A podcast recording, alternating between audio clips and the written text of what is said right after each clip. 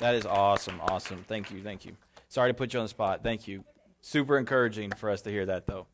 At work, right? Man, it's awesome. So keep it up. Super encouraging. Keep sharing your faith. Guys, the, the gospel is the power of God for salvation. Okay? Which means that the gospel message itself is the power to save people. You do not have to save them. Isn't that a freeing thought? You, it is not up to you. You are delivering a message, like we just heard, and that message is the power that can save their soul from sin and death and give them eternal life. So, thank you for sharing that. So, keep sharing your faith. Know that you're not alone, uh, obviously represented by the, where are they? Right there by the conversations. So, keep it up. Awesome. All right. All right, so with all that said, let's dive into 1 John chapter 2. Okay, so grab your Bibles, go to 1 John chapter 2. Uh, we're going to be in verse uh, 1 to 6. Um, and I would like to pray one more time. And um, before we begin, and let's ask for the Lord's help today as we start. Father, thank you for uh, what we just heard, God. Just uh, Gracie's witness to her friend to share the gospel and we pray that you would use that conversation to um, bring this girl to Christ uh, who doesn't know you. God, may the gospel be the power of God for salvation. Thank you for Gracie's boldness to speak on the spot in front of all of us and encourage us with that. Uh, we pray that you would help all of our witness to increase and grow and uh, be more faithful to sharing your good news with others. God, we pray right now as we open your word and dive in that you will shape us by your word. Help us to leave here as obedient followers of Jesus. It's in Jesus' name we pray. Amen. All right, so I have up here a penny. All right, so a coin. It didn't matter what coin I had. Um, but all U.S. currency, uh, uh, the coins of the U.S. currency, they all have two sides, right? We call them heads and tails. Okay? So without uh, one of those, so if you if you picked up a penny and you saw that one side was completely gone, okay, so like let's say the you know Abraham Lincoln is not here on the front, it's just flat, okay, you might begin to think that this is not a real penny, this is like a fake penny, and I'm not talking about like rubbed off, smudged off, like literally like flat, okay. You might begin to think this is not a genuine penny because we we both know that to be a genuine penny, it needs to have Mr. Lincoln on the front here, and it needs to have the Lincoln Memorial on the back. It needs to say one cent. It's got to have the, the little saying United States of America on it. It's got to have both sides for us to know that it's genuine, correct? We would begin to think that it was not genuine. Right, two sides of the same coin. Uh, so, as a follower of Jesus, we also have to have, so to speak, two sides of the same coin to show that we are genuine. Okay, one side of our coin, let's say. So, the one side, we have to believe the gospel, we have to have faith in Jesus to be a follower of Jesus. But on the other side, right, of the same life, we have to be obedient to Jesus to show that we are a genuine Christian.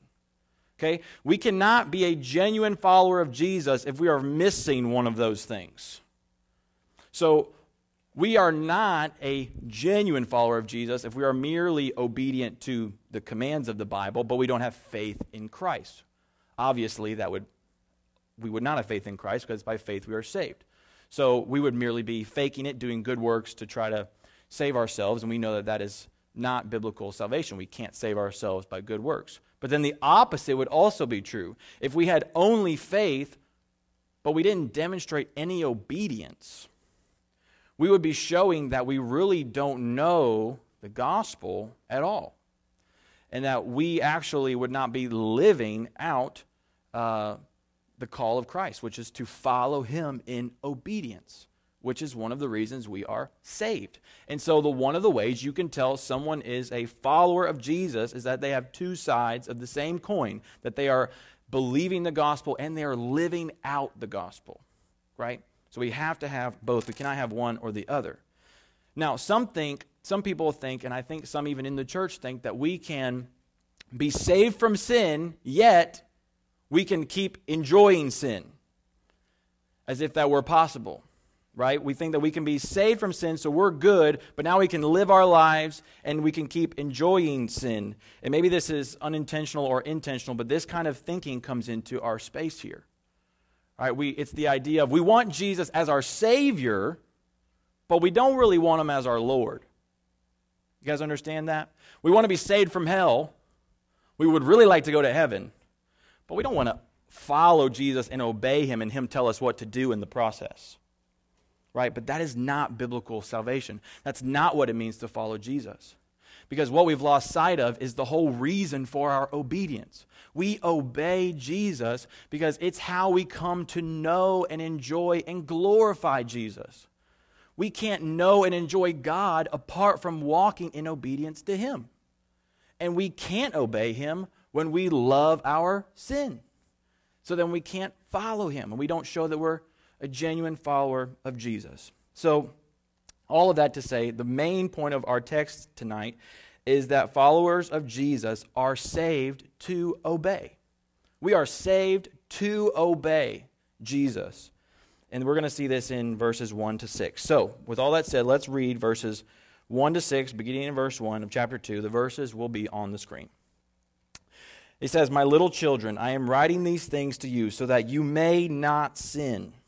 But if anyone does sin, we have an advocate with the Father, Jesus Christ, the righteous, or the righteous one. He is the propitiation. I'll come back to that word, it's a huge word. He is the propitiation for our sins, and not for ours only, but also for the sins of the whole world. And by this we know that we have come to know him, if we keep his commandments. You should circle that. If we keep his commandments. Whoever says, I know him, but does not keep his commandments is a liar, and the truth is not in him. But whoever keeps his word, in him truly the love of God is perfected. By this we may know that we are in him. Whoever says he abides in him ought to walk in the same way in which he walked. All right, we're going to see two points today as we learn about following Jesus means we're saved to obey. The first point is that Christ is our advocate. Christ is our advocate. Advocate may be a word you're not familiar with, so let me tell you what it means real quick. Advocate is this idea of a defender, okay? That Jesus pleads our cause. And I'll talk about what the significance of that is in just a minute.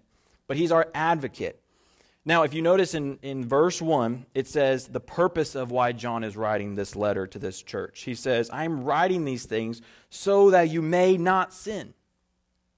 So if you were here last week, you remember in verse 7 he says that if we have fellowship with one another, the blood of Jesus cleanses us from all sin. And then in verse 9, he says that he is faithful and just to forgive us our sin. And then John writes this little warning, but I, I'm writing so you would not sin. See, John is trying to guard against this idea of people thinking to themselves, oh, well, if Jesus says I'm forgiven of sin and I'm cleansed of sin, then what I'm going to do is I'm just going to keep on sinning because it's all forgiven anyways. I'm just going to keep on living, doing what I want because God's cool and he's, we're tight and He'll just keep forgiving me. So I'm just going to enjoy my sin. And John is trying to guard against that. So he says, No, no, don't get confused. I'm writing so that you actually won't sin. Okay? But then he gives a little, uh, a little help on the back end. He says, But if anyone does sin, so he acknowledges, I'm encouraging you not to sin, but I know that sin happens. It's part of the Christian life as we pursue to not sin. But if anyone does sin, we have an advocate with the Father, Jesus Christ, the righteous one. So our advocate, uh, Jesus Christ, is the righteous one. And, and what our advocate does is that Jesus stands before God, our Father, and what he does is he defends you. He defends you to the Father when you sin. He says, when we sin, we have an advocate with the Father. That means that when you fall short, Jesus stands there and says, I covered that. I paid for that. That can't get hold against them. They're not guilty for that. Lust, covered. That gossip, covered. That moral failure, covered. That's what Jesus does. He defends you. Okay? Um, if you are a fan of a particular athlete or a musical artist and they are like your favorite, okay, what we tend to do is we defend that person. We, as a fan, defend that person, and in our eyes, they can do no wrong, right? So when, any, when anybody comes against our favorite player, we feel like we are getting paid to defend this person. Right, and we will bring stats to the table, whatever, the songs we like to the table, all the movies they've been into the table, and we will prove why this person is better than you say he is. We will defend them. They can do no wrong in our eyes. And Jesus is defending us to the Father. But unlike those people who actually do wrong, we just overlook them because we're a fan. Jesus actually stands for the Father and says, they actually can't get counted with wrong. That's an amazing thought. That we actually sin, but our sin is not held against us. Because Jesus, like a lawyer in a courtroom, is defending you to the judge in the highest court. And he's defending you based on what he has done and who he is. Because it says that Jesus is the righteous one, or the righteous. And Jesus has his own righteousness in your place, which means that as he stands there as the righteous one, your unrighteousness is gone because Jesus' righteousness is counted as yours. All of Jesus' money is put into your bank account. And so that is a staggering thought. So as you think about how you struggle this week, know that Christ defends you, that the gospel allows you to come before God at any moment of the day because Jesus says, I paid for that. Not guilty. I paid for that. And this idea of I paid for that is where we get the word propitiation, that huge word in verse 2. So if you look at verse 2, it says, He is the propitiation for our sins. What you need to do is if you want to go home and impress mom and dad, just randomly in, at dinner time, bring up the word propitiation. See what happens, okay? Maybe just say it, just shout it. Who see what happens? I don't know. Try it out. Propitiation. It'll get a good convo going. What propitiation is, is it means that the punishment that was headed for you, Jesus removed because he took it himself. That's propitiation. So it means that the wrath of God was propitiated onto Jesus instead of on you. Okay? It's the, idea where we get atonement, which is the word we see a lot in the Old Testament, that your sin is covered because someone has paid for them.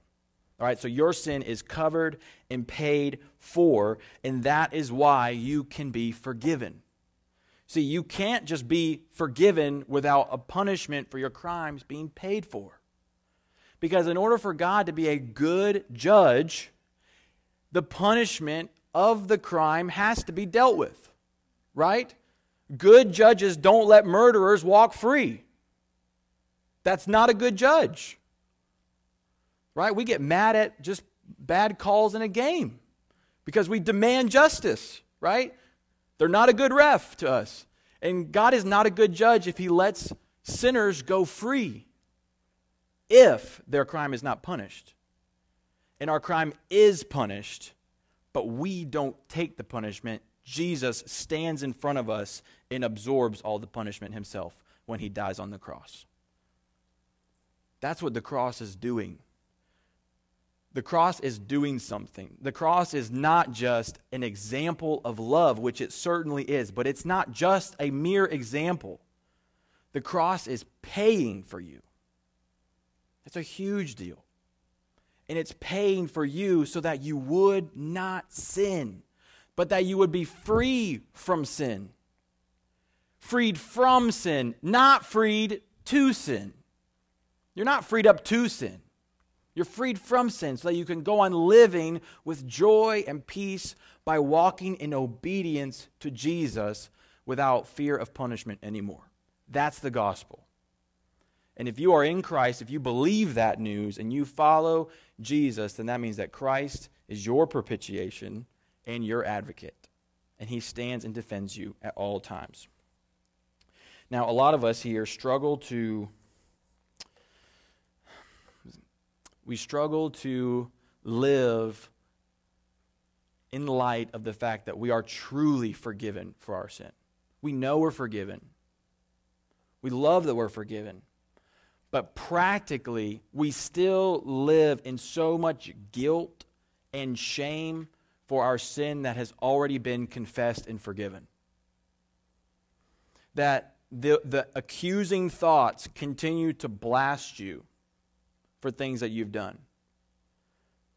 And hear this tonight before we go to the next point that Christ is your advocate. That means that all the things that get brought up back into your head that Satan would throw at you, Jesus stands there and says, That's gone. You can move forward. It's covered. That it has no power over you. No more shame for that sin. No more punishment for that sin. It's gone. And I, you need to hear that.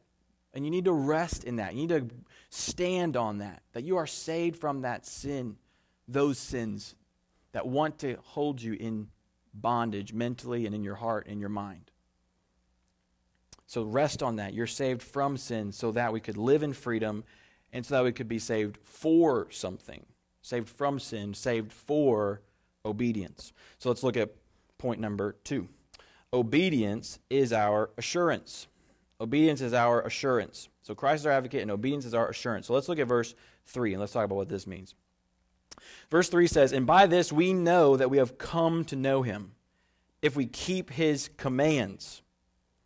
Whoever does not whoever says I know him but does not keep his commands is a liar and the truth is not in him. But whoever keeps his word, keeps God's word in him truly the love of God is perfected.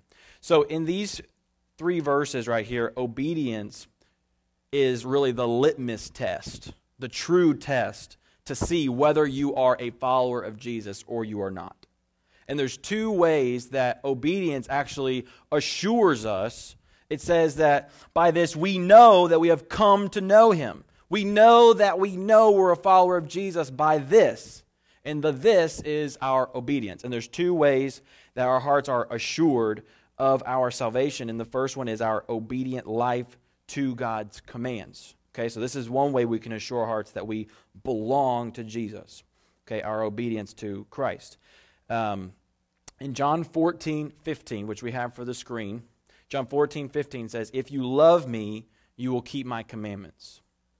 That's pretty straightforward, right? If you love me, you will keep my commandments. So if you love Jesus, you will obey him. Uh, and this is a great examination of your own heart, if you love Jesus or not. 2 Corinthians 13 5 will say, Examine yourself to see whether you are in the faith. Okay, so if a reassurance or an assurance, a confirmation of our faith is our obedience, then that means that we need to look at our life and examine to see whether we are genuinely following Jesus. So look at your life. Think about your life. Think about your week if someone were to follow you around this week, what would they find? Would they find a follower of Jesus? Or would they find someone who's merely faking it on a Sunday and on a Wednesday? But the rest of the week, there's no loving God and keeping his commandments. There's no obedience to God's word. What would they find? So we have to look at our life to see whether we are saved, whether we are a follower of Jesus. So I'm just going to give you five quick uh, examples of commands that you could think through. Okay, this is five out of hundreds in the Bible, right? So just examine your life. So think about some of these things. Are you quick to listen and slow to speak and slow to become angry? That's James 1:19. Are you doing things that you don't enjoy without complaining? Philippians 2:14. Are you living in sexual purity? 1 Thessalonians 4 3. Are you loving your brother and your sister? John 13 34. Are you obeying your parents? Ephesians 6 1. So those are just five commands. And if you read the Bible and you think about these commands and all the others that you come across as you read the Bible and you think, Am I obeying these commands? Do I have a heart that desires to obey these things? Right? And that is the test if we are following Christ. Verse 4 is the opposite way of saying what verse 3 says.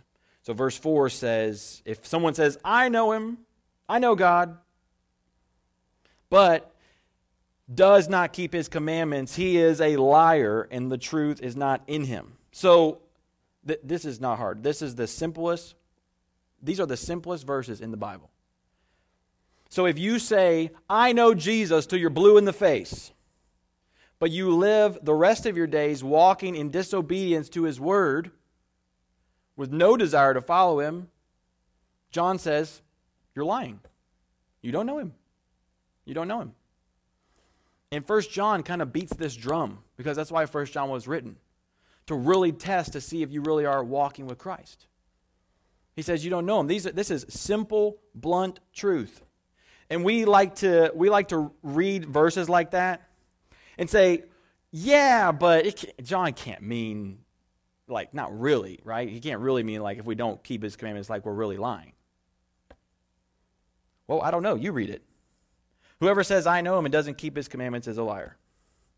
It's pretty straightforward. And the Holy Spirit wrote these words. God wrote these words, and he didn't apologize for it. And John doesn't apologize to the church for writing it. And he doesn't give a little caveat to them. Because it is straightforward. We either walk in love and obedience to Christ or we do not. And our actions will always speak louder than our words. And our words will always be confirmed by our actions or disproven by our actions. So, are you desiring to obey Jesus? Because until you desire to obey Jesus, until then, we still have not reached the point where we understand the gospel. Because the point of the gospel is to free us up so that we will walk in obedience to Christ. It is why we were saved. Now, you might say, like, but Mark, I prayed a prayer when I was six. VBS. Prayed a prayer, so I'm going to heaven no matter what. Once saved, always saved. That's what I was told. Now, once saved, always saved is true, right? You cannot lose your salvation.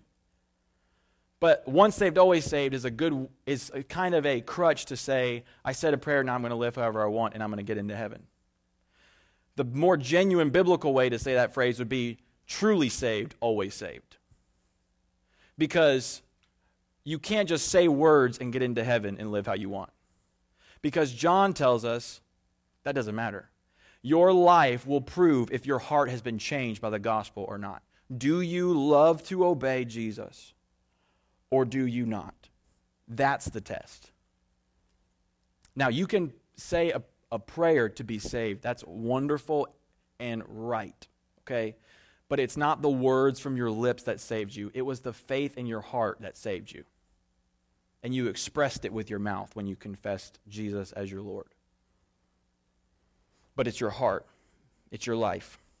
This is the call of our salvation. The call of our salvation is Luke 9:23. It is deny yourself, take up your cross and follow me. Jesus says, if you want to come after me, if you really want to follow Jesus, this is your invitation. It is deny all your normal desires. Take up your cross, which means that you're willing to suffer the rest of your life and follow me to the end. That's what you sign up for. That's how Jesus gave invitations. He didn't he didn't try to get people, you know, saved quick. Let's get their hands raised. Let's get the cards signed. Jesus wasn't quick to do that. Jesus did just the opposite. Jesus said, Don't come unless you mean it. That's how Jesus talked to people. Because following Jesus is really hard. It is not easy following Jesus. And when you follow Jesus, you count the cost. Luke 14, 28. Count the cost of following Jesus. Because living for Jesus means that we will obey Jesus. If you do not want to obey Jesus, you should not come to him. That sounds weird to say in a sermon, but it is true because that's how Jesus talked to people. We are called to follow Jesus with our whole life and our whole heart. So if you want to follow Jesus, please follow Jesus. But you got to know what you're signing up for obedience, a life of obedience to His Word, to His commandments. And when you do that, you will actually find the pathway to true joy, true peace, true meaning, true purpose. You will understand what you are made for when you walk in obedience to Christ. Because obedience to Christ is how we were designed to live in relationship with Him, connected to Him. And when we are in relationship with Him, it means that we are obedient to Him. Because when we are obedient to Him, we are living like Him. So we have to walk with Christ. Following Jesus is not easy, but it is worth it. It is worth it. Uh, if you go down to verse 6, we see another form of assurance. So, not just our obedient actions or our deeds to Jesus, but actually we start becoming like Jesus. This would be the other way to see and assure ourselves that we are followers of Jesus, that we are becoming like him. So, look down at verse 6. Let's do actually right before that. There's a full sentence here. By this we may know that we are in him. Whoever says he abides in him ought to walk in the same way in which he walked, in the same way in which Jesus walked. So, what this is saying is we can be sure that we are a Christian when we see our life becoming more like Jesus. So, not just in our obedient actions can we assure ourselves, but also in our character transformation starts to become like Jesus. So, this is when we abide with Jesus, right? So, the verse says, Whoever abides in me. So, abide is this idea of staying with Jesus, remaining with him. John 15, 5 is that, that verse that says, Jesus says, I'm the vine, you are the branches. Whoever abides in me, and I in him, he it is that bears much fruit. That means that you're connected to Jesus, like a branch is to a vine, and the branch gets its nourishment from the vine. So you stay with Jesus, like living in the same house. You just dwell together, you walk together, you talk together, you spend every day together. And what happens is you begin to become like Him. So, if you think about it, you, we begin to imitate who we hang out with, do we not? Right, you guys have friends. And if you are around your friends, you step back and look tomorrow when you're around your friends, if you see them tomorrow. That you, you are very similar and you might not have even noticed it. You laugh at the same things. You start, you start to dress the same. You start to say the same phrases. You start to look the same. You start to watch the same movies, listen to the same music. You like the same sports. You have the same catchphrases. You laugh at the same stupid jokes, right? You get this. The more you're around somebody, the more you begin to become like them. When I was a middle schooler, I wanted to be just like my older brother. So I began to do everything like him. Started to dress like him, talk like him. I wore the same shirt, like t-shirts. I, I grew my hair out because David grew his hair out. I wanted to be just like him. And we hung out all the time together. This is what happens. So same is true with Jesus. So if you start to spend all the time with Jesus, every day with Jesus, you will begin to look like Jesus, talk like Jesus, have Jesus' heart. You'll have the aroma of Jesus. You'll smell like Jesus. We have the, we talk about the aroma of Christ. You'll have this smell about you, this aroma of Christ. Not a literal smell, okay? But you get it. You'll begin to put off this aroma of Christ to others. They will sense Jesus when you come in the room because you're beginning to look like Jesus. So we, we have um, the fruit of the Spirit in the Christian life. And Galatians 5:22 gives us the fruit of the spirit. These are the heart characteristics of a Christian. These are the heart characteristics of Jesus. And so the more you begin to spend with Jesus, the more you will grow in these qualities. So I'm just going to give you some examples of what this would look like. So you will grow in your love. Your love for others will grow, including your love for your enemies. The more you're with Jesus, you you will have joy even when life is difficult. Joy. You will have peace when you should be afraid. You'll begin to have patience when you should be exploding. You'll begin to have kindness even when you disagree. You'll have goodness even when you want to retaliate. You'll have faithfulness even when you want to give up. You'll have gentleness instead of being harsh. You'll have self control even when it's easier to fall into temptation. These are the heart characteristics of Christ. And the more you spend with Christ, the more you'll begin to see these things grow and grow and grow. And this is the call of God in your life. Romans 8:29 says that you are being conformed into the image of Christ. You're being molded to become like Christ. It is what you were made for. Don't you want to live how you were made to live? And the way to do that is to become more and more like Jesus, walking with him. And so if you step back and look at your life and you see progress, so you see yourself, man, I, I, I have a hunger to obey. You know, I see myself being patient, 10 months ago, I would have exploded on this dude, right? I see myself being loving to my enemies. That's new.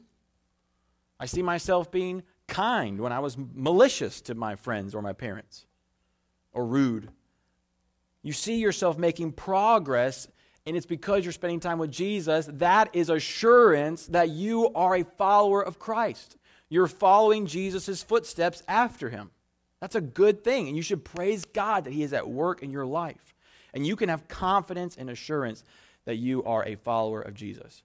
If same is true with obedience. If you see yourself loving obedience, hungering for obedience, hungering to get up a little bit earlier to read your Bible in the morning, hungrier to pray, hungrier to memorize the word, hungrier to share the gospel like 10 of you did this last month. That is evidence and assurance that yes, I'm a follower of Jesus. Praise God. Praise God. And we should praise God because it's His doing, not ours, that we are following Jesus. It's His grace. Now, the last thing as we wrap up here is Christ wants you to be sure that you are saved. You can see it right here in our verses. In verse 3, he says, By this we know that we have come to know him. So we know that we know. And then in verse 5, by this we may know that we are in him. So we see from the Bible that God wants you to have confident assurance that you belong to him, which is good for us. Because if you're a doubter, like I have been a lot of my life, if you're a doubter, you need this kind of assurance. Because many of us have doubted our salvation at some point in our life. I have included. And I don't know where they come from. I don't know why it happens. Maybe it's spiritual warfare. Maybe it's our own fleshly weakness. I'm not sure. But you need the confident assurance that you are faithfully walking with Jesus. And one of the ways he does it is by looking at our life and looking at our obedience. And I think one of the reasons that we often doubt our salvation is because we are putting our assurance on something we did in the past. We are putting our assurance about our salvation on a prayer we prayed or on an emotional experience at a DNow when we really felt like we were getting saved. Right? And I'm not saying there's not emotions. There is emotions. Emotional highs are fine as long as they're truth highs too. Okay? Not just pure emotion based on nothing.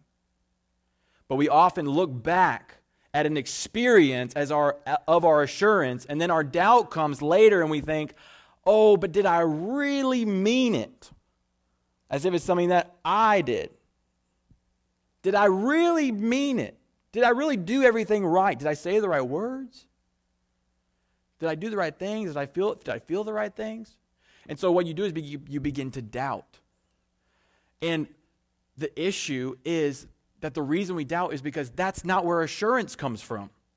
It doesn't come on our memories. Our memories are not good, they fail. One day we're going to be old and we might not even remember that day anymore. What are we going to do then? Our salvation is not in our ability to remember or in our ability to have done anything in the past. It's on what Christ has done for us and what Christ has done in us and is doing in us right now. The reason you know you're saved today is because you're following Jesus today. So you know he saved you sometime back then. And you might remember a time, and praise God for that. I do. But you might not. And that's okay. Could have been gradual, could have happened sometime in this region of time, and you don't really know when it happens, but you just know that now you love Jesus, you believe the gospel, and you're following him. And it's because it's the grace of God that saves you. It's the grace of God that opens your eyes to believe and to repent and to follow Jesus. It's not on what we do. Do you think, how do you know you're alive right now? Is it because you remember the day you were born? Or is it because you're alive? Right? If, you, if someone said, you have to remember the day you were born to prove that you were born. that wouldn't work, obviously. It's the same thing is true for a Christian. We don't have to remember the day to know that right now, if I look at my life right now, I love Jesus, I desire to obey him, I desire to follow him, I see progress in my life. We know we're alive because we look at our life right now and we see Jesus in us. Does that make sense to us? That's a good thing. We should praise God for that. And that's our assurance. It's our assurance. Now, don't get confused and don't mishear me. It is good to remember a time when you were saved so you can look back and celebrate that with joy. But not everybody can remember, and that is okay because it's not dependent on us, it's dependent on Christ who has grace on us.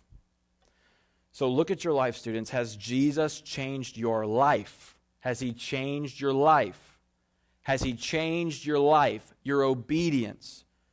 Do you follow him because you love him? Because you want to be like him? That's true salvation. Do you want to do the hard things for Jesus? Because he's called you to do those things. It's hard to obey parents, isn't it? It's hard to do the thing at school with integrity and not cheat. Whatever that thing is. That's hard to do when everyone else doesn't care about stealing homework. It's hard to follow Jesus. But that is the call that we have been given as followers of Christ. And if you're here and you're thinking, I hear all this and I'm not sure if I actually do love Jesus or desire Jesus or follow him, I certainly don't see any of those evidences in my own life, then heed the call of Christ to you right now that he is inviting you to come to him, to believe on him, to repent of your sin. That means a heart change where you turn away from sin and you turn towards Jesus and you say, Jesus, I believe what you've done for me, and I desperately need you to save me because I'm a sinner, and I'm going to follow you. And you follow him. That is the invitation to you. It doesn't matter if you come every Sunday, every Wednesday. If you know that you are not following Jesus, don't wait. Don't wait. One day it will be too late. You do not know that you will be alive tomorrow. You assume that you do, but you do not know that. Do not let it be too late because you did not want to admit that you were faking it in front of a group of teenagers. One day that will not matter. Do not keep faking it if you are faking it. Come to Jesus, believe the gospel, say yes to him, follow him. You can do that tonight as we pray and as we sing in your heart. Believe and just say, Yes, Jesus, I'm going to follow you. I believe it. I believe you. I'm going to repent and I'm going to follow you. And you are saved. Because it's not you, it's Him that does it. For all of us here that are Christians, if we have assurance, if you've heard this, you're like, Yeah, I'm a follower of Jesus. I have assurance that I'm a follower of Jesus. Then we can say, Praise God the feeling of assurance, the confidence of assurance is safety. Jesus wants us to feel safe in him. He wants us to feel sure in here in him that we're not going anywhere. That he's not going to fail us and he's not going to let us go. And he's promised that he will not let you go. And if you will remember that that nothing you do can snatch you out of God's hand. That frees you now to obey, doesn't it? Because now you're not obeying to try to perform for someone. You're not trying to impress, or you're not going to the hard places and doing the hard things out of guilt. You're doing it out of joy. So let's follow Jesus together. Put your roots down deep into your confident assurance you have in Christ who loves you and gave himself for you. Let's pray together and then we'll keep singing. Father, we love you so much, and we're so thankful for the gospel, and we're so thankful for obedience to Jesus that you have given us. Lord, I pray that tonight, if there are those in here that do not know Jesus, they don't, they don't follow Jesus, they know they don't.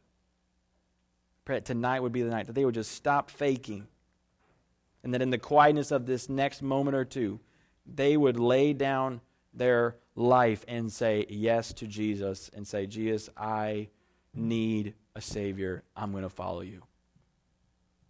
that they would not leave here until they do that.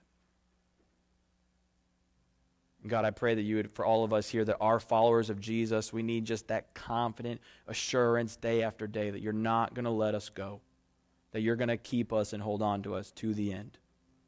We love that about you, Lord. Pray in Jesus'